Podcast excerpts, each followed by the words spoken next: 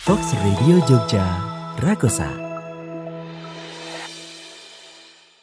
Makasih buat Anda sobat Rakosa yang sudah gabung ya di Bincang Seni dan Budaya kali ini bareng sama Mbak Juni. Tadi kita juga sudah ngobrol banyak banget dan ini sudah ada 15 juta pertanyaan Mbak Juni. Wow. sudah siap Mbak ya? Kita Oke. kita jawab tapi beberapa aja ya. Kalau 15 juta selesainya besok sore jadinya. Oh, oh, jadi seminar nanti. Iya, webinar jadinya ya. Oke, ini ada satu pertanyaan yang pertama nih Mbak dari Mbak Putri. Katanya gimana sih Mbak kalau mau meyakinkan keluarga kalau kita mau fokus di bidang yang kita suka. Salah satunya adalah seni. Karena Mbak Putri ini eh, kurang mendapat support sebenarnya dari keluarga, tapi ya pengen gitu fokus di kesenian. Gimana itu Mbak? Oke. Nah, tapi sebenarnya Mbak Putri ini masih single, Mhm. maksudnya belum berkeluarga atau sudah berkeluarga ya. Jadi Mhm, kalau gini, oke. kalau belum berkeluarga ya single, eh, kita harus menunjukkan prestasi dari apa yang kita senangi itu. Oh, Jadi bidang oke. itu, bidang yang kita senangi itu, tunjukkan pada orang tua misalnya bahwa kegiatan yang kita lakukan itu eh, apa ya positif, Ya. positif dan berprestasi, bisa Mhm. menunjukkan prestasi-prestasi yang didapat. Nah, tapi kalau umpamanya sudah berkeluarga, itu adalah bagaimana cara kita berkomunikasi dengan keluarga kita, umpamanya dengan suami Mhm. atau dengan anak yang sudah besar ya, yang sudah bisa diajak komunikasi, kita eh, apa ya? selalu menginformasikan apa yang kita kerjakan, kegiatan-kegiatan apa yang kita kerjakan itu diinformasikan dan kalau memang eh apa lingkungannya bisa melibatkan, bisa mengajak keluarga itu silahkan dilibatkan. Jadi Mhm. mamanya kalau saya ya sebagai seorang penari, performer, saya punya karya gitu, pentas saya ajak untuk nonton, saya ajak untuk latihan. Jadi kalau saya sedang berproses dan prosesnya di studio, kemudian sampai larut malam atau dalam waktu yang satu hari penuh, saya ajak keluarga saya untuk di situ juga. Jadi kita Mhm. semacam mengenalkan aktivitas yang kita kerjakan untuk keluarga kita. Kira-kira Oh, oke. seperti itu. Ini ada sa- Mhm. ada beberapa teman saya yang perempuan juga Mhm. sebagai koreografer seniman juga, mereka bahkan mengajak anaknya untuk menjadi eh, menjadi penari juga, maksudnya Oh, ikut oke. dalam karyanya seperti Mhm. itu. Kemudian dia ajak untuk menari, kemudian dia ajak untuk berproses. Jadi eh, anak ini justru lebih apa ya dekat dengan Mhm. bidang tari karena Iya. dia selalu diikut sertakan itu. Mhm. Justru dua anaknya. Oh, wow. Jadi semuanya dia Mhm. bawa. Jadi Mhm. karena dia sendiri juga apa ya punya prioritas bahwa kalau saya punya anak ya saya harus terus apa ya membimbing, Hmm. harus terus mengawal gitu loh. Iya. Jangan ditinggal Hmm. jangan ditinggal di rumah kayak gitu. Wow. Kalau saya kan karena posisinya sebagai dosen kan nggak Hmm. mungkin bawa anak saya ke kampus. Iya, betul sih. Tapi kalau maunya ada pentas, ada Mm-mm. pertunjukan, nah saya ajak Oh, gitu. oke. Memang perjuangannya luar biasa ya, Mbak ya? Iya. Dari mulai meyakinkan sampai nanti tanggung jawabnya bagaimana gitu ya, Mbak Iya, ya? kira-kira gitu. Ah, oke oke. Jadi buat Mbak Putri ya, semoga walaupun ya mungkin nggak satu kali dua kali ya Mbak buat meyakinkan prosesnya pasti ada. Semoga nanti juga mendapat support nih dari keluarga pastinya. Ya. Oke, kita ke pertanyaan yang kedua nih Mbak Juni. Kali ini ada datang dari Mas Doni nih. Kalau misalkan Mbak Juni nih harus memilih misalkan ya, fokus di menari atau fokus di keluarga, apa yang Mbak Juni pilih? Wah, berat ini. Waduh, ini Mm-mm. berat sekali ya Mbak. Iya. Berapa kilo nih Mbak? Antara profesi dengan Waduh, keluarga. Iya betul, gimana tuh Mbak? Kalau saya harus memilih kayaknya nggak bisa deh mas. Karena gini, Hmm, oke. sebelum saya eh, apa ya, sebelum saya berkeluarga kan saya sudah di bidang seni, saya sudah Ya. bidang tari. Nah pasti saya akan selektif, saya akan memilih partner Hmm. hidup yang support dengan Hmm, tari ya, ha- support dengan bidang saya kayak gitu. Jadi kalau kemudian dipertanyakan setelah saya menikah, kemudian partner saya, pasangan saya melarang saya untuk menari, melarang saya untuk berkesenian, Mm-mm. nah itu dipertanyakan lah, gimana kemarin eh, apa ya konsekuensi Mm-mm, bersamanya, Betul, betul, betul. eh, perjanjian nikahnya Mm-mm, bagaimana bener, kayak bener gitu. banget sih. Kalau untuk suruh, suruh memilih ya enggak bisa kalau sekarang Mm-mm. semuanya uh, sudah menjadi pilihan hidup saya. Saya dari apa ya? Dari awal sebelum menikah, sebelum berkeluarga sudah di bidang tari ya. Mm-mm. Kemudian saya menikah dan saya pasti akan mencari pasangan yang juga support dengan Hmm, apa hmm, yang hmm, saya tekuni gitu. Oke, karena memang kalau harus memilih ya kenapa sih harus memilih gitu ya Mbak ya? Iya, kalau bisa, jalan bareng-bareng dua-duanya gitu Mbak, betul. kan?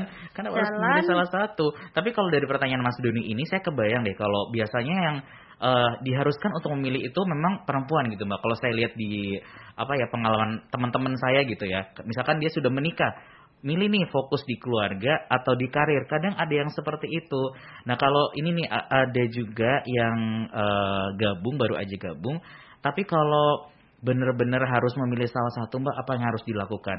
Pertimbangannya apa aja sih biar yakin memilih salah satu walaupun berat untuk melepaskan salah satunya juga. Gimana itu Mbak? Oke, Mm-mm. jadi ini semua tergantung personal ya. Oh oke. Tergantung personal dan Mm-mm. tergantung kondisi. Jadi kalau eh, bisa dibilang bagaimana eh, janji pernikahannya, bagaimana konsekuensi ketika dulu memilih pasangan kayak gitu. Mm-mm. Kalau saya seumpamanya ini, seumpamanya harus memilih eh, antara sebagai eh, seniman Mm-mm. atau sebagai istri Ya. Kayaknya susah ya karena kan Hmm. saya dosen jadi PNS so Hmm, PNS hmm, kan hmm. memang nggak boleh nggak boleh apa Iya, ya iya, keluar iya. dengan Ah, ah. dengan semerta-merta seperti Hmm, itu hmm, hmm, nah betul. kalau mamanya nih saya sebelum PNS kan sudah menikah Hmm, hmm. kemudian suami saya tiba-tiba berbalik Di kamu nggak boleh bekerja kamu nggak boleh begini jadi ketika saya belum menjadi PNS ya pasti akan saya lepaskan Hmm, itu hmm, betul. lepaskan Hmm. pekerjaan itu dan saya akan eh, apa fokus di keluarga tapi kembali lagi mbak bagaimana personalnya bagaimana cara kita strategi kita memilih pasangan atau partner hidup itu nek menurut saya jadi Hmm. jangan sampai eh, apa ya jangan sampai apa yang sudah kita bangun sudah kita usahakan ibaratnya saya nih saya sudah menekuni bidang seni ini dari sejak lama kemudian tiba-tiba bertemu dengan orang baru Mhm. terus tiba-tiba apa yang sudah saya usahakan apa prestasi yang sudah saya capai itu menjadi sia-sia nah seperti itu kira-kira Hmm, hmm, hmm, kalau hmm. kalau mau apa ya mau berpikir secara uh, panjang itu Mm-mm. nantinya itu akan bagaimana ke depannya seperti itu Hmm. dulu saya sudah berusaha mati mati-matian di bidang sari, di bidang tari di bidang seni kemudian tiba-tiba saya harus berhenti kemudian saya hanya menjadi seorang ibu rumah tangga nah itu pilihan lagi itu Iya. nanti ke depannya bagaimana apakah ya saya ikhlas menjadi seorang ibu rumah tangga itu juga tidak apa-apa Hmm, jadi hmm. personal memang personal Hmm, banget Nggak banget ya, bisa ya. di Hmm, Ha-ha, gitu hmm, tapi hmm. kalau kebetulan yang itu tadi kebetulan saya yang per- Hmm. saya perhitungkan saya strateginya gimana dulu yaitu saya mencari pasangan yang dia support dengan bidang saya dengan Hmm, hmm, apa hmm. yang sudah apa ya sudah saya tekuni kalau misalnya dulu saya tiba-tiba ketemu sama jodoh yang apa ya hmm, yang nggak mendukung di bidang seni ya Hmm, saya hmm. juga mikir-pikir "Hmm, nanti gimana ya kalau jadi Hmm, suamiku ya Iya. hmm, hmm. bagaimana ya kalau kalau nanti tiba-tiba saya eh, benar-benar lepas dari tari itu apakah bisa nah Mhm. seperti itu kira-kira jadi memang pertimbangannya banyak sih mas. Iya, semerta-merta apa ya nggak semerta-merta langsung saya milih mm, ah, jadi rumah tangga Oke, saja. Mhm. saya milih jadi dosen tapi cerai dengan suami Waduh. saya. Itu juga harus pertimbangan eh, yang benar, banyak benar. sekali Mikirnya udah visioner banget ya Mbak ya ke depan gitu akan Ke depannya seperti akan apa seperti gitu kan. apa, betul. Gak cuman sekarang aja nih, jadi kayak mikirnya harus panjang ya Sobat Rakosa. Jadi buat Anda nih yang memang lagi ada di persimpangan jalan, aduh milih yang mana nih? Memang pertimbangannya wah panjang banget kayak nanti ke depannya seperti apa. Jadi memang harus dipertimbangkan banget ya. Ini juga ada lagi nih Mbak dari Bella kali ini nanya em, rencananya mau ambil kuliah di bidang seni, tapi masih bingung mau ngambil yang mana. Ada saran nggak dari Mbak Juni biar nggak bingung-bingung amat gitu pilih pilih jurusan seninya? Gimana tuh Mbak? oke Baru mau milih nih, kan Mbak Ah-ah. Juni seorang dosen nih. Gimana tuh Mm. Mbak? Oke, jadi gini, pilihlah pilihan yang paling kamu senengin, Hmm, yang paling kamu sukai, Oke. yang membuat kamu itu merasa seneng untuk melakukannya. Jadi pasti apa hal apa hal apa pun yang kita suka, kalau kita apa ya, kita lakukan dengan ikhlas, dengan senang pasti nanti hasilnya juga akan baik. Tapi Mhm. kalau kita memilih satu bidang yang nggak kita senengin, terus kita paksa untuk kita ada di bidang itu ya pasti hasilnya Mhm. nanti nggak akan maksimal kayak gitu. Iya. Jadi umpamanya nih mau bidang tari, musik atau rupa, seni rupa atau media rekam atau eh, apa ya uh, desain banyak Mm-mm, sekali ya mm. sekarang itu itu mana yang paling membuat kamu senang untuk melakukannya itu kira-kira Oh, itu oke. Mm-mm. Jadi memang di antara eh, walaupun merasa bingung ya Mbak, tapi pasti ada satu yang wah saya cenderung ke ini gitu mungkin ya Mbak ya. betul mm-mm. Oh, oke. iya oke, betul cenderung ke mana terus Hmm, kita hmm, sudah hmm, punya hmm. bekal apa gitu kalau umpamanya kita sudah punya bekal tari ya coba tari itu ditekuni kalau kita sudah punya bekal vokal ya coba musik musik yang eh, apa ya yang eh, mengolah vokal Hmm. itu ditekuni. Kira-kira Oh, gitu. oke. modalnya apa kita Hmm, seneng hmm, ngelakuin enggak? Terus kita punya goals enggak? Kita punya mimpi enggak? Hmm. kira-kira. Jadi kalau ini kalau saya memang dari dulu ketika sudah masuk ke dunia tari itu aku besok mau jadi apa ya? Jadi penari. Oh sudah. Jadi nih. Aku Hmm. sudah bisa menjadi seorang penari. Terus kemudian naik level aku pengen jadi koreografer oke sudah aku dapat nih aku jadi Hmm. koreografer selain koreografer sekarang jadi apa ya jadi pelatih gitu pelatih tari oh sudah nih aku dapat jadi pelatih di sanggar Hmm. di komunitas Yeah. apa ya aku mau jadi guru Oh bisa nih aku jadi dosen, dosen Hmm, tari. Nah seperti itu. Jadi pasti ada tahapan-tahapan apa ya mimpi, ada tahapan-tahapan Hmm. goal yang yang bisa membuat kita untuk berpacu ke situ dan kita ibaratnya itu apa menekuni, menekuni, menekuni sampai kita bisa mencapai mimpi kita Hmm, gitu. hmm, step by step gitu ya Mbak ya. Mm-mm. Kayak level lah kayak main game kan level 1, level 2 gitu kayak Mbak Iya, ya. uh. Ibaratnya begitu nih ya. Jadi buat Bella semoga juga mendapatkan oh ya saya lebih ke ini gitu Mm. misalkan ada langsung gambaran mau ke mana jadi nggak bingung-bingung lagi ya. Tapi ini ada satu pertanyaan terakhir nih Mbak sebelum kita eh, tutup lapak ya. ini Oke. kali ini kalau tadi dari Bella itu masih bingung memilih nih Mbak. Tapi kali ini satu pertanyaan dari Rian kalau sudah fokus nih Mbak, sudah memilih ya di jurusan salah satu di kampus salah satu di Jogja gitu, eh, kesedihan juga, tapi kok merasa di yang sekarang ini udah di pertengahan ngerasa kok kayak malah jadi ragu ya. Hmm. Gimana sih cara biar yakin lagi kalau ini tuh bener-bener pilihan yang memang diambil gitu Mbak? Gimana itu Mbak? Oke, ya kembali kita introspeksi bagaimana Hmm. dulu kita memilih dan apa yang mau kita dapat di depan kayak Oke. gitu. Kalau di tengah-tengah eh, apa perjalanan kita ragu, bolehlah kita melengok ke belakang. Oh, kemarin kenapa ya aku memilih Hmm. jurusan ini kayak gitu.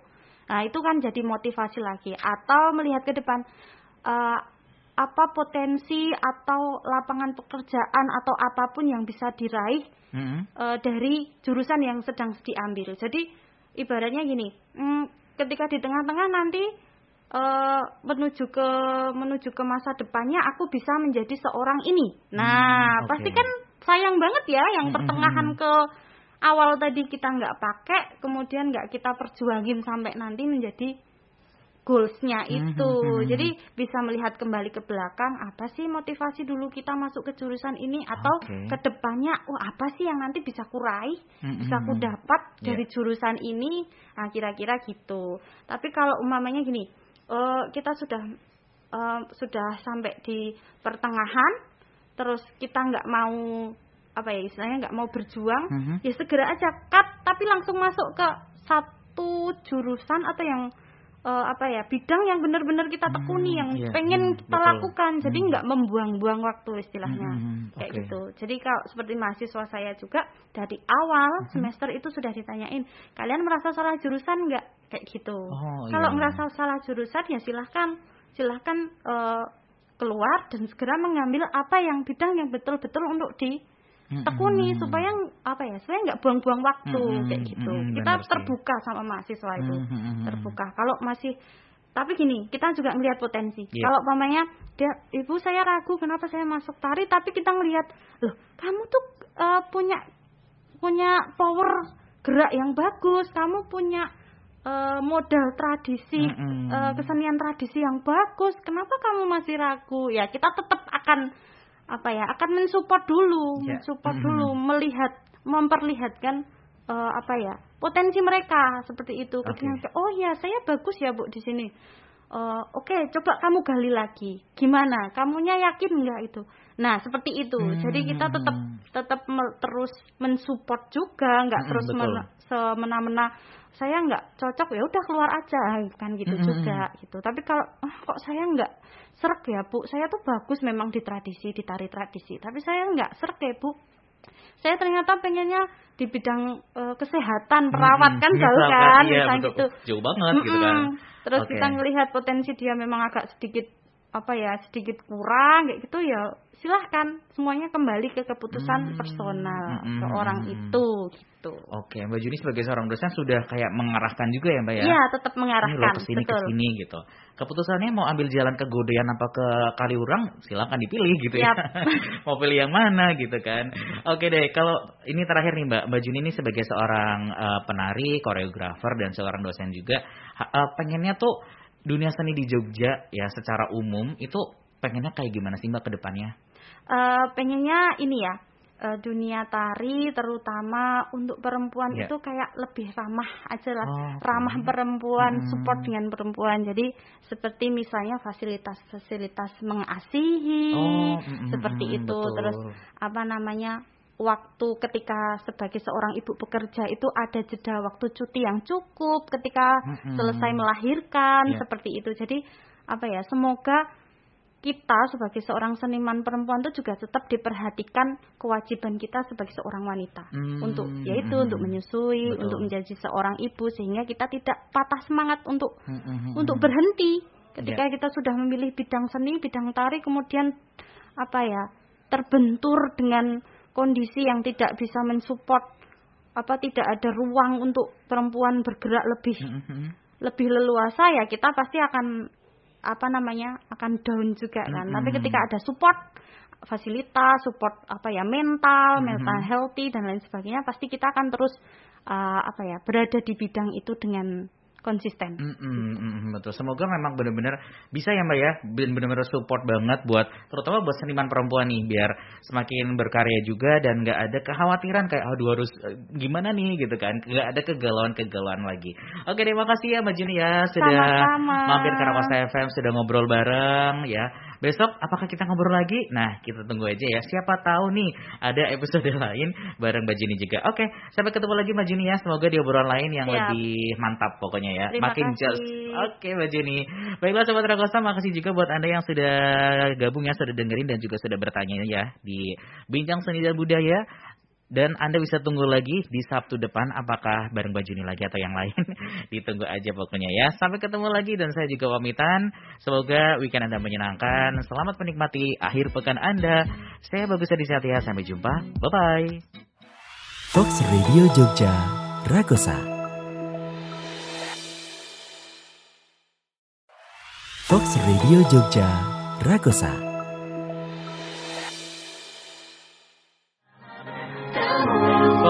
Jogja 105,3 FM Rakosa lagunya enak terus. Halo, selamat sore sobat Rakosa. Kita di Bincang Seni dan Budaya yang udah saya bilang tadi ya, kita bakal ngobrol seru tentang kesenian, tentang budaya juga, tapi kali ini lebih spesifik lagi ya tentang seniman tari nih sobat Rakosa. Kalau di hari Sabtu yang kemarin ya, ini Sabtu kan ya? Iya benar, Sabtu minggu kemarin itu kita juga sempat ngobrol nih dengan narasumber, asik narasumber dong, tamu ya, tamu yang sama juga dan kali ini juga sama. Ada Arjuni Prasetyo Rini atau biasa dipanggil Juni yang sudah datang ke Rakosa FM. Halo Mbak Juni. Sore. Mbak Juni baik ya? Baik, puji Baik, Tuhan. baik, puji Tuhan, baik ya. Tadi udah makan dulu sebelum ke sini biar ada energi gitu Mbak. Yap, sudah, sudah dong, sudah dipersiapkan. Makanan favoritnya apa Mbak? Apa ya? Buah sama sayur. Wow, sehat banget ya Mbak Juni ini Harus ternyata. menjaga kesehatan, Hmm. Mas, apalagi kondisi kan pandemi kayak Iya ini sih, ya. benar-benar benar. Jadi perbanyak buah, sayur dan juga hidup bahagia ya, Mbak ya. Betul. bahagia dengan cara kita pastinya ya Sobat Rakosa. Dan kali ini kita bakal ngomongin tentang problematika peran ganda seorang seniman tari perempuan. Karena kan perempuan itu menurut saya itu banyak banget ininya ya Mbak ya, perannya gitu. Bisa jadi seorang seniman, bisa jadi dosen juga nih kayak Mbak Juni, terus juga bisa jadi seorang istri atau seorang ibu. Nah, kalau ini kan banyak nih perannya Mbak. Kalau Mbak Juni sendiri ngebagi-baginya itu gimana sih? Susah nggak Mbak? Ya sebenarnya awal-awalnya sih agak berat juga ya Mhm. susah karena eh, kebetulan kan eh, saya sendiri berperan sebagai ibu, istri, kemudian sebagai dosen juga Mhm. sebagai seniman, sebagai profesi saya kira-kira gitu. Jadi harus membagi waktu dengan sebaik-baiknya dan mempunyai pro- prioritas Hmm, mana yang harus yes. didahulukan, mana yang paling penting dulu sehingga nantinya semuanya bisa berjalan dan terbagi dengan baik gitu. Hmm, hmm, hmm. Prioritasnya mana nih yang mau diduluin ya Mbak ya? Ya. Oke, biasanya kalau Mbak Juni itu lebih memberatkan ke apa Mbak? Kalau prioritasnya misalkan lebih ke karir atau lebih ke yang di rumah atau apa nih biasanya? Hmm, nggak bisa gitu mas. Kita harus Oh. melihat kondisi yang pasti. Mhm, yes. Jadi gini, ketika kita punya tanggung jawab di eh, apa pekerjaan sebagai Mhm. dosen, yaitu yang harus menjadi prioritas dan tahu deadline-nya kapan ini pekerjaan oh harus iya, selesai. benar, benar, benar. Kemudian setelah itu selesai, kita harus punya waktu untuk keluarga. Hmm, hmm. Kita juga harus punya waktu untuk diri sendiri pastinya ya. Jadi betul. terus kemudian kita juga seandainya punya eh, keinginan atau angan-angan untuk menciptakan karya, kita juga harus punya waktu untuk di situ juga. Hmm, Jadi hmm, hmm, apa hmm. ya? eh, melihat kondisi dan situasi mana yang menjadi prioritas dalam Oke. setiap waktunya. Jadi setiap hari itu pasti Hmm. beda-beda. Iya. Enggak setiap hari eh, Senin sama Rabu Hmm. harus full di pekerjaan. Iya, iya. Kami sampai anu harus di keluarga enggak sih. Jadi mana yang menjadi prioritas, mana yang menjadi urgent, mana yang menjadi eh, apa ya, yang harus diselesaikan dulu lah kira-kira hmm. gitu. Kira-kira ini ya Mbak ya, apa namanya sesuai dengan kondisi aja nggak sih Mm-mm, Mbak? Betul. Nggak kayak matematika yang satu tambah satu kan dua tuh. Iya. Kalau ini nggak mesti harus begitu teorinya ya Mbak ya. Yap. Misalkan lebih di mana dulu nih Anda nih sobat Rakosa sibuknya misalkan deadline yang terdekat adalah misalkan adalah berkarya atau juga pekerjaan. Berarti ya silakan deh pertimbangkan aja. Tapi kalau Mbak Juni ini menemui kendala apa nih Mbak selama menjadi kan perannya nggak cuma seniman aja nih, nggak cuma dosen aja, nggak cuma koreografer aja, tapi juga ada peran di rumah. Itu biasanya kendalanya apa sih Mbak? Jadi gini Mas, biasanya kalau seniman perempuan Mm-mm. itu kita harus punya waktu untuk membuat karya, juga harus punya waktu untuk keluarga. Iya. Kadang itu menjadi sesuatu yang sulit karena waktunya itu yang harus dibagi. Ketika eh, dengan keluarga, kita pasti juga harus punya apa ya, waktu khusus untuk berproses, untuk berkarya. Mhm. Jadi kadang kalau berkarya itu kan nggak bisa hanya satu jam dua jam ya, Mm-mm, betul. tapi kan dalam jangka waktu yang panjang, bisa dalam satu hari atau setengah hari, Hmm. kemudian biasa, biasanya juga ada di malam hari. Nah, itu tuh harus kita bagi eh, gimana ya ketika keluargaku atau anakku saya tinggal untuk berproses itu mereka tetap apa ya istilah bahasa Jawanya itu kopen. Nah, Hmm, mereka tetap betul. terpantau, mereka Mm-mm. tetap tidak kita tinggalkan gitu. Jadi itu sih membagi waktu yang karena kan ketika menggarap suatu karya tari itu berhubungan dengan banyak orang, berhubungan dengan apa namanya banyak waktu. Jadi kita harus punya schedule yang pasti gitu, loh. punya Mhm. punya batas waktu. Oh ini jam sekian sampai jam sekian saya harus selesai untuk project ini. Terus yang sekian jam sekian saya bisa dengan keluarga bisa mengatur. Oh besok jadwalnya ini lagi. Oh ini yang harus diselesaikan dulu seperti itu. Hmm, hmm, hmm, hmm. Jadi memang tergantung dari mananya dulu nih ya Mbak ya, yang Mm-mm. menjadi kayak semacam apa ya Mbak, titik berat kali ya, yang perlu didulukan tuh yang mana dulu gitu Yap. ya Sobat Rakosa. Jadi memang wah ini kadang bingung juga ya. Tapi pernah nggak Mbak, Mbak Juni tuh mengalami kayak merasa dua-duanya tuh sama berat sampai galau banget nih milihnya. Pernah ngalamin kayak gitu nggak? Ya sering sih mas. Oh wow. Ya, sering Mhm. banget. Jadi gini, terkadang kalau dalam kondisi di rumah kita Mhm. tidak punya umpamanya tidak punya eh, pembantu atau Yep. tidak punya seseorang yang bisa kita eh, titipi anak gitu. Biasanya kan kita harus membawa anak itu ikut Mm-mm. serta. Iya. Seperti itu. Baik baik pekerjaan saya di kampus, di dosen atau ketika saya sedang dalam suatu proyek Hmm, penciptaan. hmm, Jadi oke. kadang harus saya bawa nih Hmm, harus saya bawa jadi saya bisa punya dua fokus Iya betul. satu mengerjakan Betul. yang pekerjaan satu harus tetap menjaga Mm-mm. anak saya seperti itu kira-kira ya kalau bisa dibilang sering ya cukup sering Mm-mm. sih tapi eh, kebetulan karena di rumah juga ada yang membantu Iya. eh, menjaga anak saya jadi ya kebetulan juga eh, suami saya juga bisa diajak kompromi ini Mm, penting mm, ini mm, penting betul. sekali untuk menjadi seorang partner seorang Hmm. seniman perempuan Betul, jadi betul, betul. partner itu kita harus bisa saling apa ya membagi waktu terutama dengan partner kita Hmm, itu hmm, hmm, itu hmm. cukup cukup membantu jadi Iya. Ketika ada suatu kesempatan harus mengerjakan ini dengan deadline yang ketat ini ya kita bisa dibantu oleh pasangan kita Hmm, hmm, hmm, gitu. hmm. Harus ada komunikasi ya Mbak ya Mm-mm, berarti nggak yang kayak oh nggak mau nih nggak mau komunikasi langsung kerjain aja. Ya. Nanti malah masalahnya jadi banyak ya Mbak ya. Banyak sekali nanti. jadi bermunculan gitu kan Iya. dari salah paham inilah terus ini nggak misalkan nggak kesentuh misalkan. Betul. Malah jadinya pusing sekali jadinya ya Sobat Rakosa. Tapi kalau ngomongin tentang dari karya nih Mbak Juni sebagai seorang seniman ada nggak sih Mbak karya Mbak Juni itu yang benar-benar kayak Mbak Juni banget atau memang ini karya untuk perempuan gitu dedikasi untuk perempuan ada nggak? Ada jadi Oke. Eh, karya beberapa waktu yang Mm-mm. lalu di Festival Kebudayaan Yogyakarta kebetulan saya bersama dengan beberapa koreografer juga Mhm. menciptakan karya tari judulnya Ibu Menari. Oke. Itu menceritakan bagaimana kondisi kita yang sebenarnya di belakang layar. Hmm. Ketika kita bersama keluarga, ketika kita mengerjakan pekerjaan rumah, ketika kita bersama anak itu kayak tertuang, tertuang dalam karya itu. Oh, Ibu oke. Menari waktu Mhm. itu. Di FKY tahun ini nggak Tahun sih ini, Tahun ini ya? iya. Baru banget fresh banget ya. Betul. Ini ada bentuknya itu video gitu atau pertunjukan di panggung atau bagaimana Mbak karya ini? Ya, vidi- bentuknya video Oh, oke. virtual, virtual mm, mm. performance itu.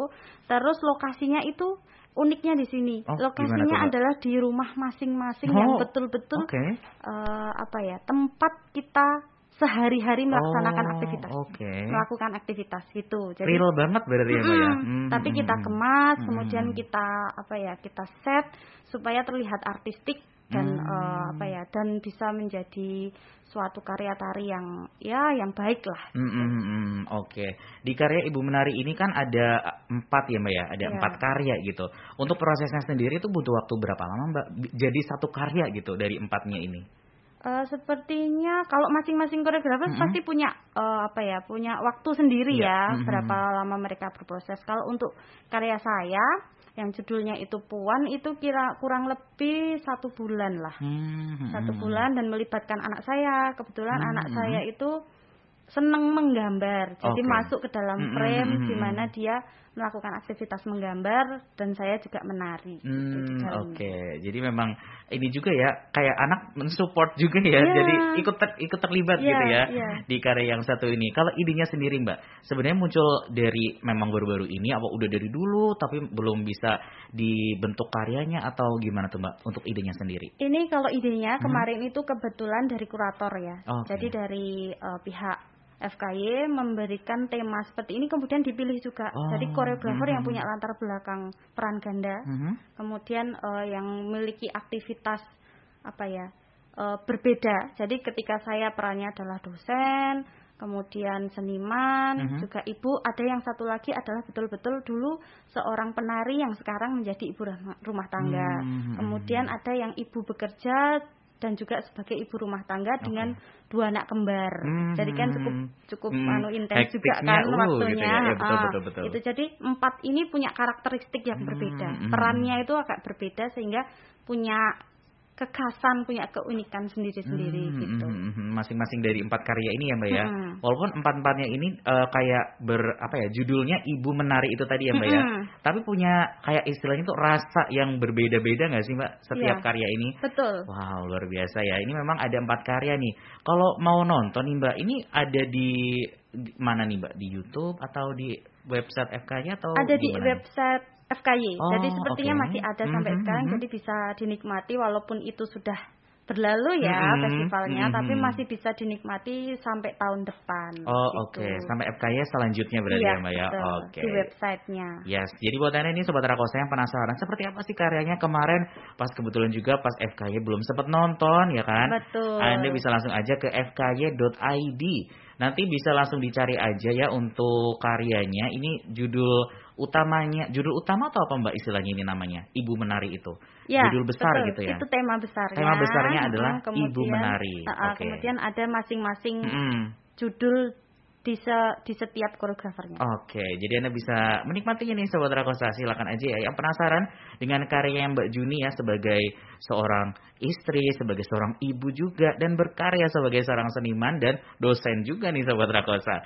Oke deh nanti kita balik lagi ya. Abis ini kita ngobrol lagi dan buat Anda yang mau gabung boleh 0817275800. Jangan dilewatkan ya, jangan di skip di sini aja di Rakosa FM. Fox Radio Jogja, Rakosa. Fox Radio Jogja, Rakosa. Di obrolan bincang seni dan budaya bareng Mbak Juni ya, kita sudah ngobrolin tadi beberapa topik, asik topik dong. Yang jelas tentang karya dari Mbak Juni juga ya, sebagai seorang seniman, dosen, dan juga seorang istri atau ibu ya, yang pasti harus bagi-bagi waktu nih. Dan memang tantangan yang paling besar ya Mbak Juni ya, untuk selama ini ya, itu sebenarnya ada nggak sih mbak yang dikorbankan gitu kan pasti kan kalau misalkan baju ini mau show nih ada pertunjukan itu pernah nggak mengorbankan sesuatu yang aduh ya mau nggak mau sih gitu pernah nggak mbak? Iya yang pasti mengorbankannya itu mengorbankan waktu hmm, biasanya iya. karena gini ketika kita ada show ada pertunjukan kita kan biasanya uh, performnya dalam durasi yang panjang iya. ya dan mm. biasanya kan malam hari nah biasanya se harian seharian dari pagi itu saya sudah di kampus kemudian mengajar setelah itu kan kemudian lanjut prepare hmm. lanjut uh, make up persiapan dan sebagainya kemudian perform sampai malam jadi waktu dengan anak itu jadi nggak ada hmm, iya, waktu betul. dengan suami juga nggak ada kemudian sampai di rumah anak kita mungkin sudah tidur hmm, kayak gitu hmm. tapi uh, untungnya karena suami saya sangat support jadi dia apa ya pintar untuk menghandle oh, anak saya. Okay, Jadi okay, okay. Uh, eh, setidaknya dia tetap apa ya didampingi salah satu orang tuanya hmm, atau hmm, terkadang justru dulu ketika masih kecil justru malah ketika anak saya masih kecil karena belum pandemi ya mungkin yeah. waktu hmm, itu ketika ada saya ada perform ada uh, suatu pertunjukan anak saya dianterin oleh suami saya untuk nonton hmm, itu untuk tahu bahwa oh ibu saya pentas seperti -hmm. itu atau ketika saya punya pekerjaan nih pekerjaan lembur di kampus gitu suami saya ngajak anak saya untuk jemput mm. jadi anak saya semakin hari semakin besar dia tahu bahwa oh ibu saya itu punya banyak kegiatan dan dia paham gitu -hmm. jadi nggak merengek-rengek ketika saya akan uh, perform atau ketika saya akan kerja itu nggak yang kemudian uh, menangis atau dan lain sebagainya itu jadi dia tahu gitu loh bahwa ibunya itu punya kegiatan banyak ya oh, gitu. Okay. Dan suami saya sangat support hmm, sekali. Hmm, hmm. Dia tahu betul bahwa uh, saya punya tanggung jawab banyak, yeah. ibaratnya satu dua tiga yang layernya itu harus dikerjakan. Jadi dia supportnya dengan membantu saya di uh, sisi mm -mm. anak oh, oke. Okay. Berarti kuncinya memang terbuka juga ya Mbak sama anak ya. Kayak Betul. ngasih tahu ini loh, mama ini kerjanya ini gitu. Mm -mm. Biar tahu juga oh ternyata sibuknya ini gitu kan. Yeah. Karena ada juga Mbak yang memang misalkan ada ibu bekerja nih, tapi bilang ke anak waktu mau kerja nggak bilang kerja, tapi bilangnya oh pergi ke sini sebentar ya yeah. gitu. Padahal sebenarnya ya kerjanya seharian gitu. Yeah. Kan itu termasuk kayak hmm, nggak mm, jujur nih. Yeah, Berarti betul. satu tips juga ya Mbak ya. Harus terbuka, harus, terbuka. harus jujur. Oh, oke oke. Okay, okay. Selain terbuka nih Mbak, ada nggak sih yang bisa Mbak Juni kasih ini tips ya buat perempuan di luar sana nih yang punya peran banyak nih ya sebagai ibu, sebagai istri, misalkan sebagai penari juga nih kayak Mbak Juni gitu. Apalagi nih selain terbuka komunikasi apalagi Mbak? Ya, selain terbuka komunikasi mm -hmm. juga mungkin kita bisa melibatkan. Okay. Jadi anak-anak kita bisa hmm. kita libatkan dalam kegiatan dalam aktivitas kita di mana kondisinya atau lingkungannya masih mendukung ya. Hmm. Jadi masih ramah anak, kita sertakan dia untuk tahu aktivitas-aktivitas yang Ibu lakukan dan juga mungkin nanti bisa mendorong apa ya, keinginan atau ekspresi dia untuk memilih suatu bidang, umpamanya oh, seni okay. gitu. Hmm. Ketika kita ajak dia untuk uh, melihat pertunjukan, kemudian dia tertarik, kemudian dia mau mendalami itu juga salah satu apa ya hmm. uh, ekspresi gitu yang bisa yang bisa diungkapkan gitu. Oh oke. Okay. Untuk anak-anak kita. Hmm. Hmm. Harus dilibatkan ya mbak ya berarti ya. Biar tahu nih seperti apa sih sebenarnya uh, gambarannya gitu ya. Biar anak juga paham gitu dengan apa yang dilakukan sama ibunya gitu ya Betul. sobat Rakosa.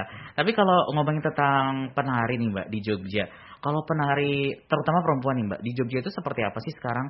Apakah benar-benar wah banyak banget atau memang ada komunitasnya sendiri atau bagaimana? Banyak sih Mas, seniman-seniman okay. mm -hmm. perempuan di Jogja banyak sekali. Mm -hmm. uh, salah satunya tadi ya yang ada di mm -hmm. Oh iya benar, tadi. Mm, betul. Kemudian ada penari-penari yang uh, keraton misalnya, oh, penari iya. klasik itu juga mm -hmm. banyak. Kemudian mm -hmm. selain yang sudah profesional sekarang sepertinya mahasiswa saya juga banyak sekali yang perempuan. Hmm, oke. Itu. Jadi memang selalu ada istilahnya regenerasi gitu ya, Mbak ya. Iya. Selalu ada apa ya? Bukan berarti kayak oh sepi nih gitu. Mm-mm. Ber- tapi pernah nggak Mbak mengalami masa ya benar-benar kayak Mbak Juni mencari rekan yang perempuan gitu, penari. Susah banget. Pernah nggak sih Mbak ngalamin kayak gitu? Hmm, ya Selama sebenarnya berkarir gitu ya sebagai enggak seorang sih. penari. Ada Oke. beberapa memang yang sudah kita kayak ibaratnya itu udah sejalan bareng Hmm, gitu loh iya, lama, iya, hmm. lama di bidang tari. Jadi kalau kita mau cari partner itu tinggal apa ya, tinggal konsep atau tinggal pilihan aja yang mau seperti apa. Hmm, iya. Eh, dia genrenya apa atau kita memerlukan seorang penari atau seorang koreografer juga untuk diajak kolaborasi kayak gitu Mm-mm. ada sih karena kan kita selalu apa ya sel- ya ada komunitas juga Mhm. kemudian ada teman-teman yang apa ya yang istilahnya itu sudah berproses lama Mm-mm. seperti itu Oke, ibaratnya kayak tinggal cap cip ngembang kuncup ya Mbak. tinggal pilih aja karena memang ada ya Mbak ya. Iya. Kayak misalkan mau genrenya lebih ke biasanya apa ya Mbak kalau genre di kayak eh, karya-karya tarian gitu. Biasanya apa nih Mbak? macam-macam sih mas Oh, oke. iya mau genre yang apa klasik tradisi Oh, mm. pop itu tuh banyak. Oh ya oke oke. Jadi nanti tinggal partnernya siapa nih? Oh ada itu yang ada di sana gitu ya misalkan. Oke deh. Yap. tapi kalau Mbak Juni ini sebagai seorang kita ke ranah pekerjaan yang dosen gitu kan. Itu kan dosen. Pastinya kan harus ada waktu kayak apalagi sebelum pandemi ya Mbak ya. Harus kayak masuk kelas dari jam sekian ke jam sekian gitu. Pernah nggak sih Mbak kayak tabrakan gitu sama harus show juga? Itu gimana untuk pertimbangan Mbak Juni gimana Eh, ya skala prioritas Oh, oke. kalau kita sebagai seorang dosen kan pasti Mm-mm. kita punya tata aturan iya betul Jadi kalau kita mau ngambil job, kita harus di luar jam kerja seperti Hmm, itu. oke. Atau kalau sekarang itu kita memang diberi wadah untuk apa ya istilahnya eh, pengabdian untuk masyarakat Mm-mm. atau untuk penelitian itu bisa kita menggunakan eh, pertunjukan-pertunjukan yang kita gunakan untuk kita masukkan di eh, itu bidang itu Mm-mm. bidang penelitian atau pengabdian seorang dosen itu sekarang bisa. Cuma ya memang Hmm. harus itu tadi pinter membagi waktu. Jangan sampai tabrakan ketika ngajar dan Mm-mm. melakukan aktivitas di luar kampus itu. Oh oke, jadi memang harus benar-benar apa ya pintar-pintar mengaturnya Mm-mm. berarti ya mbak ya. Tapi ini ada nggak sih mbak kayak misalkan nih mbak, mbak Juni ngajar nih harusnya, tapi ternyata ada tawaran untuk eh, misalkan menarik gitu, dan tawarannya sangat besar gitu. Dan pas di jam mengajar itu pernah nggak sih mbak kejadian kayak gitu, yang akhirnya membuat mbak Juni harus ya udah deh ngajarnya di ini aja liburin gitu atau tukeran sama dosen yang lain gitu, itu pernah nggak sih mbak? Bisa, bisa kita Oh, eh, apa ya bersinergi dengan Ah, ah, dosen satunya mm, juga mm, mm. bisa, tapi bisa juga kita mendapatkan izin dari atasan. Oh, Jadi oke. ketika kita diminta Mm-mm. untuk menjadi seorang performer, seorang Mm, narasumber iya. atau yang lain, eh, ada surat apa ya undangan Oh, atau permohonan mm. untuk menjadi narasumber itu ditujukan ke institut Hmm, umpamanya. Nah dari mm, institut itu nanti akan mengeluarkan surat tugas Hmm, seperti hmm, itu. hmm. Jadi ketika nanti ada tabrakan dengan kelas yang mengajar, Mhm. ada salah satu dosen yang bisa menghandle Oh, seperti itu oke. jika kita memang ditugaskan. Jadi memang apa ya proseduralnya memang agak cukup panjang, Mhm, tapi bisa bisa diatur. Oke, kayak gitu. bisa diatur, ya. Sejak itu bisa sejalan, bisa oke ya, nggak ada masalah, berarti ya oke-oke aja nih ya kan. Dan buatan ini Sobat Rakosa yang penasaran juga pengen nanya, boleh deh di 0817275800. Kalau Anda yang misalkan baru memulai di dunia tarian atau baru berkesenian deh, apa pun bidangnya, boleh deh nanya-nanya langsung aja ke Mbak Juni ya. Gimana sih memulainya misalkan. Nah, kalau untuk memulai nih Mbak, kalau buat yang baru banget, baru terjun di dunia seni apa pun itu, itu tips yang harus dilakukan pertama nih apalagi misalkan udah menjadi seorang istri dan udah menjadi seorang ibu tapi cinta banget sama seni itu untuk memulainya gimana ya mbak?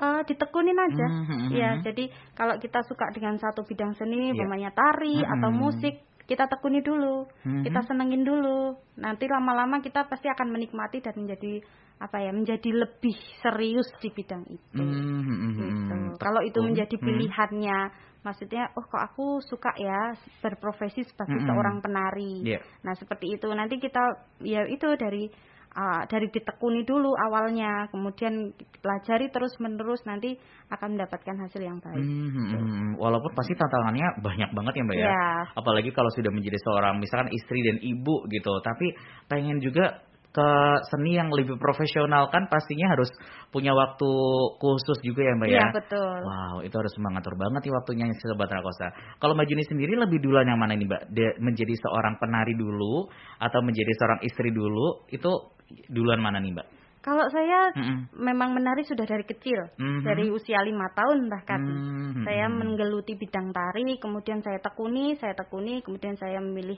pendidikan di seni juga, Mhm. kemudian berprofesi di seni tari juga. Jadi lebih dulu itu ketimbang saya berkeluarga. Hmm, hmm, hmm, hmm. dan memang lebih lama lagi ya Mbak ya untuk menjadi seorang penarinya. Dan memang perannya ini memang banyak ya Sobat Rakosa kayak menjadi penari, menjadi dosen ya untuk Mbak Juni ini, terus juga menjadi koreografer juga. Nah kalau yang em, ini sebagai seorang koreografer ada nggak sih Mbak pengalaman yang benar-benar nggak terlupakan sampai sekarang, membekas banget, ada nggak Mbak? Ah, banyak sih, Mhm. karena hampir semua Oke. karya itu pasti kan punya pengalaman Mhm. tersendiri ya. Mm-mm, betul. punya feedback tersendiri untuk diri kita. Mhm. Kalau untuk yang paling membanggakan waktu itu ya bisa sampai di American Dance Festival waktu Mhm, itu Oke. sebagai eh, International Choreographer Resident sebagai eh, salah satu penerima beasiswa waktu itu dua bulan. Kita Mhm. belajar di summer campnya American Dance Festival. Terus kita bekerja sama dengan mahasiswa yang mengikuti di eh, festival itu. Terus kita membuat sebuah karya tari judulnya Tropik Hmm, itu hmm. cukup apa ya mengesankan karena eh, kalau kita berproses dengan sesama dari eh, tanah air kita Mhm. kan tidak terkendala dengan bahasa Ya betul. kala itu bahasa saya cukup dibilang pas-pasan Hmm. jadi ketika Oke. berproses dengan mereka Aha. selain menggunakan bahasa verbal juga harus menggunakan bahasa tubuh Mm-mm, itu Betul, jadi betul betul. ini loh maksudnya tuh tapi dengan tubuh Ah, gitu, ah, ah, dengan ah. gerak Ya, seperti itu jadi transfernya itu lebih apa ya lebih banyak ke geraknya ke Hmm. mereka itu Iya, daripada ngomongnya pakai bahasa Inggris Ah, kira-kira ah, itu ah. tapi puji Tuhan untungnya semuanya berjalan dengan baik dan bisa pentas dengan baik juga waktu itu Hmm, hmm, hmm, hmm. Oke, karena setiap karya itu punya cerita tersendiri ya, Mbak ya. ya Oke, Ada punya tantangan sendiri. tersendiri. Hmm, hmm, hmm. Kalau tantangan ada nggak sih Mbak tantangan berkarya nih ya paling besar gitu menurut Mbak Juni selama ini apa Mbak? Kalau tantangan terbesar ya Hmm. pasti ketika ujian. Ujian itu kan pasti tantangannya Oh, besar oke. ya. Ha-ha. Ketika ujian eh, menyelesaikan pendidikan di S1 tari oh di iya ISI sih, itu kan betul betul betul. apa ya? Karena kan nggak cuma karya yang kita Hmm. apa yang kita pertunjukkan tapi juga konsep di baliknya harus Oke. dipertanggungjawabkan. Hmm, hmm, hmm. Itu ya salah satu tantangan yang besar juga sih karena kita harus tahu betul latar belakangnya apa, konsepnya apa yang mau kita tunjukkan atau kita pertunjukkan di tari itu apa Mhm. yang perlu dipertanggungjawabkan itu tadi tantangannya. betul betul betul. Gitu. Apa nih ya kayak ap- bikin karya apa ya? Pernah nggak sih mbak kepikiran kayak resah gitu? Aduh, saya belum berkarya nih, kayak harus bikin karya. Pernah nggak mbak kayak gitu? Eh, mungkin ini Mm-mm. kalau kita dalam jangka waktu vakum yang cukup lama itu Mm-mm. pasti resah. Iya, iya betul. Jadi betul, dalam eh, mungkin gini, salah satu ceritanya adalah ketika saya habis melahirkan. betul. Nah, sebagai oh, seorang iya, ibu, betul. Mm-mm. setelah saya melahirkan kebetulan saya juga sesar dan saya harus istirahat Mhm. eh, cukup lama. Jadi ketika eh, sudah kembali on sebagai om apa ya kok aku udah lama nggak berkarya ya Mm-mm. apa yang harus aku bikin ya nah itu cukup resah juga Oke. sih tapi Mm-mm. kemudian kalau kita mendapatkan satu kesempatan langsung ambil jadi Mm, kita bisa oke. langsung apa ya istilahnya mengeksekusi apa yang akan kita angankan angankan itu dalam karya gitu Hmm. saya vakum kurang lebih hampir satu tahun satu Hmm, tahun dua tahun saya oke. vakum menari vakum berkarya juga Mm-mm. karena fokus dengan anak saya jadi gitu Oh, oke. memang peran ganda perempuan itu cukup sulit ya Mm-mm. ketika kita dituntut untuk berkarya untuk eksistensi Betul. tapi dalam satu waktu kita juga dituntut untuk ini loh sebagai seorang ibu dulu yang punya bayi nah itu tuh harus ada sesuatu yang kita apa ya eh, negosiasikan dengan diri sendiri Mm-mm, betul, betul, mana betul. sih yang mau jadi prioritas kayak gitu Hmm. nggak mungkin kan kita udah Iya. idealis mau bikin Iya, suatu betul. karya Mm-mm. tapi anak kita masih bayi masih Mm-mm. perlu menyusu Iya, masih sekali. perlu yang lain seperti itu itu kira-kira seperti itu Oh, Oke, karena wa- walaupun apa ya pengorbanan pasti ada juga ya mbak di situ ya kan, kayak mengorbankan misalkan kalau pas lagi ada kesibukan di tarik nih, pasti waktu sama keluarga sama anak juga berkurang, banget ya Mbak ya. Iya. Sangat-sangat berkurang. Tapi pernah nggak Mbak Juni kayak, oke okay, karena kemarin saya sudah sibuk nih di misalkan ditari, terus meluangkan waktu untuk kayak seharian benar-benar keluarga. Itu pernah nggak sih Mbak? Ya, Mas. Mm -hmm. uh, apa ya mesti atau wajib hmm, kalau oh, saya. Okay. Jadi kalau saya sudah punya suatu agenda minggu yang cukup hmm. padat, saya harus punya waktu satu atau dua hari untuk uh, apa ya refreshing sama keluarga. Hmm, hmm, hmm. Hmm, umpamanya nggak harus apa ya nggak harus pergi jauh-jauh, tapi di rumah terus yeah. kita melakukan suatu hmm. aktivitas yang masak atau hmm. membuat kue atau betul, betul. nemenin dia menggambar hmm. atau menemani suami mengerjakan sesuatu yang sekarang dia kerjakan hmm. di rumah kita bantuin itu salah satu trik untuk apa ya tetap menjaga keharmonisan hmm. untuk meluangkan waktu untuk berbagi waktu yang mana agenda mingguannya untuk pekerjaan itu udah padat Nah, waktunya untuk keluarga ini gitu. Hmm, dan simpel juga ya, Mbak ya. Gak harus kayak ke mana ya, ke Amerika gitu ya, jauh banget gitu kan. Cukup di rumah iya, saja. Lima langkah dari rumah bisa ya, Mbak ya. Misalkan piknik depan rumah betul. gitu kan. Eh, betul, Mas. Seru banget ya, Mbak ya. Iya, kayak saya sering sendiri gitu. Sering uh -huh. apa ya? Oh, kalau pamannya hari itu itu sudah full terus nggak mm -hmm. bisa di siang hari yeah. malamnya Pokoknya kita bikin tenda kecil, mm-hmm. terus bikin apa ya, api unggun, mm-hmm. kita bakar ubi, bakar mm-hmm. apa itu sudah salah satu. misalkan, mm-hmm, seru sudah banget. salah satu family iya, time iya, iya, kalau buat betul, saya. Betul, Nggak harus pergi jauh-jauh mm-hmm. dan mengeluarkan uang yang banyak sebenarnya. Benar sekali, apalagi di masa pandemi mau ke mana-mana juga agak oh, mikir ya mbak ya, betul. mau ke sana mikir, mau ke sana mikir juga ya. Udah deh di rumah aja. Bisa nih anda sobat Rakosa meniru ya konsepnya Mbak Juni. Misalkan, aduh liburan ke mana ya? Udah di rumah aja, misalkan masak bareng atau juga bikin kegiatan seru di rumah bareng keluarga itu juga bisa Anda lakukan. Ya mau nanya boleh kok di 0817275800 dan habis ini kita bakal lanjut lagi ngobrolnya so stay tune terus di Bincang Seni dan Budaya Rakosa FM. Fox Radio Jogja Rakosa